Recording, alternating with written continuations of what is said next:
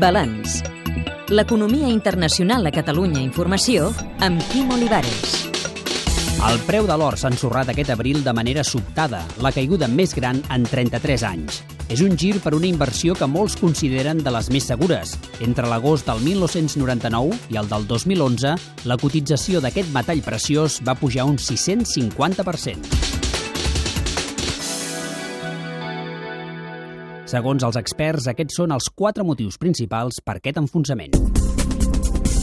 Xipre. L'anunci del Banc Central xipriota que podria vendre part de les seves reserves d'or per pagar el rescat. La Xina. La lleu correcció de les dades de creixement de l'economia xinesa. Bancs centrals. La possible retirada d'estímuls a l'economia per part dels bancs centrals. Goldman Sachs. Per aquesta banca d'inversió, el mercat dels metalls preciosos no va reaccionar com caldria davant la incertesa de l'economia europea, les dades pitjors de les esperades de l'economia dels Estats Units i la nova emissió del banc japonès. Abans de la caiguda, l'elevat i sostingut preu de l'or dels últims anys va portar un canvi d'estratègia per a algunes empreses. Les grans multinacionals d'extracció d'or van reorientar la seva política.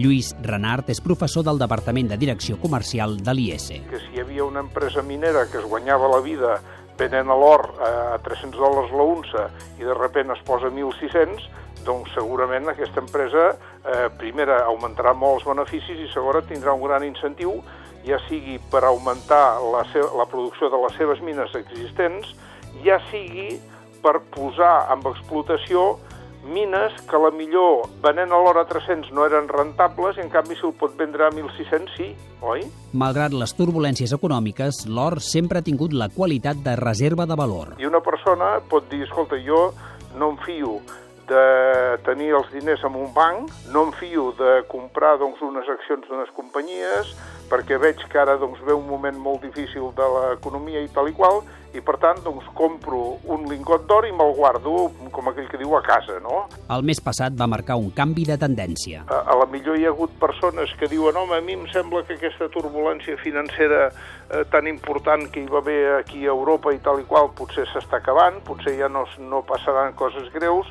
potser val més que en comptes de tenir or, doncs tingui accions, per exemple. Tot i això, l'or sempre serà atractiu pels inversors. Nigel Moffat, tresorer de Perth Mint, una empresa australiana manufacturera d'or, en declaracions a la cadena Bloomberg.